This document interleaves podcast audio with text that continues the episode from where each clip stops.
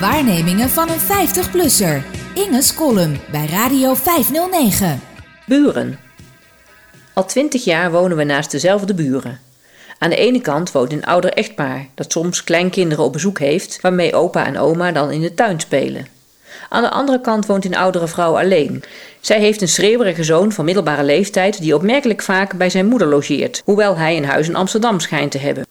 Veel contact hebben we niet met onze buren. Met de ene buurvrouw hebben we wel eens gesteggeld over een boom in haar tuin die wij weg wilden hebben. De buurvrouw is nogal dol op groen en laat alles groeien en woekeren, waardoor haar planten zich uitstrekken tot ver in onze tuin en over onze balkons. De andere buren nemen wel eens een pakje voor ons in ontvangst en hebben zich een keer over een hond van ons ontfermd. Die was weggelopen en eerder dan wij thuis kwam. Er kunnen maanden voorbij gaan waarin we onze buren niet spreken, maar last hebben we ook niet van hen. En naar ik hoop, zij niet van ons. En dat is toch het belangrijkste wat je van buren mag vragen. Het is eigenlijk een merkwaardig fenomeen, buren.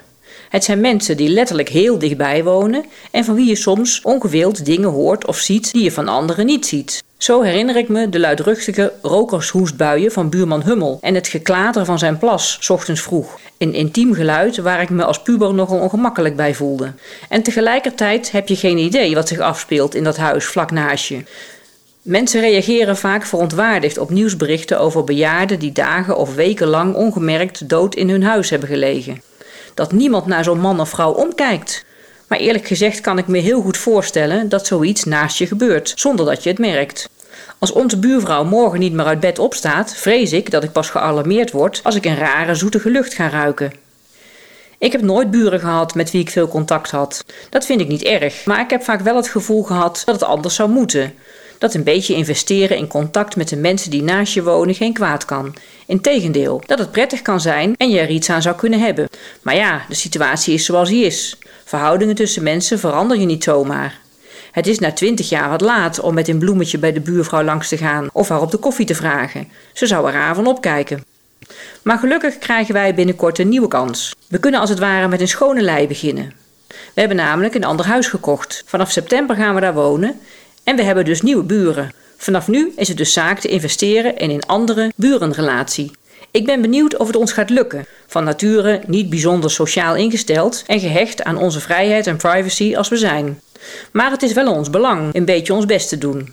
Want het gaat om een appartement, waarbij je dus medebewoners in het gebouw tegenkomt in de gemeenschappelijke ruimte. En er is een vereniging van eigenaars waar we verplicht lid van zijn. Dat lidmaatschap zou natuurlijk slapend kunnen zijn, maar ons kennende zullen we in die vereniging wel van ons laten horen. Zo zijn we dan ook wel weer. Altijd een mening. De eerste toenaderingspoging is al ondernomen. Ik heb van de week bij alle toekomstige buren briefjes in de bus gedaan waarin we onszelf introduceren en alvast aankondigen dat de verbouwing in ons appartement de komende tijd voor enige overlast kunnen zorgen. En ik heb direct de gelegenheid aangegrepen om onze handicap met wat lichtheid te introduceren. Dat is iets waar ik altijd wel even over na moet denken. Wil je dat nou of niet? Uiteindelijk kies ik er dan toch voor om zoveel mogelijk zelf het beeld te beïnvloeden. En de ervaring leert dat je daar niet vroeg genoeg mee kunt beginnen. De aanval is de beste verdediging, zou je kunnen zeggen. Ik hoop enige schrik en ongemakkelijkheid te voorkomen door zelf de deur wijd open te gooien. Dat is kort gezegd de strategie. Maar eens kijken of het werkt. En wie weet wat het ons oplevert. Met die terugtredende overheid, de verschraling in de zorg en het gehamer op eigen kracht en eigen netwerk zijn we straks misschien wel heel blij met een buurman die boodschappen kan doen of een buurvrouw die de hond uitlaat. Radio 509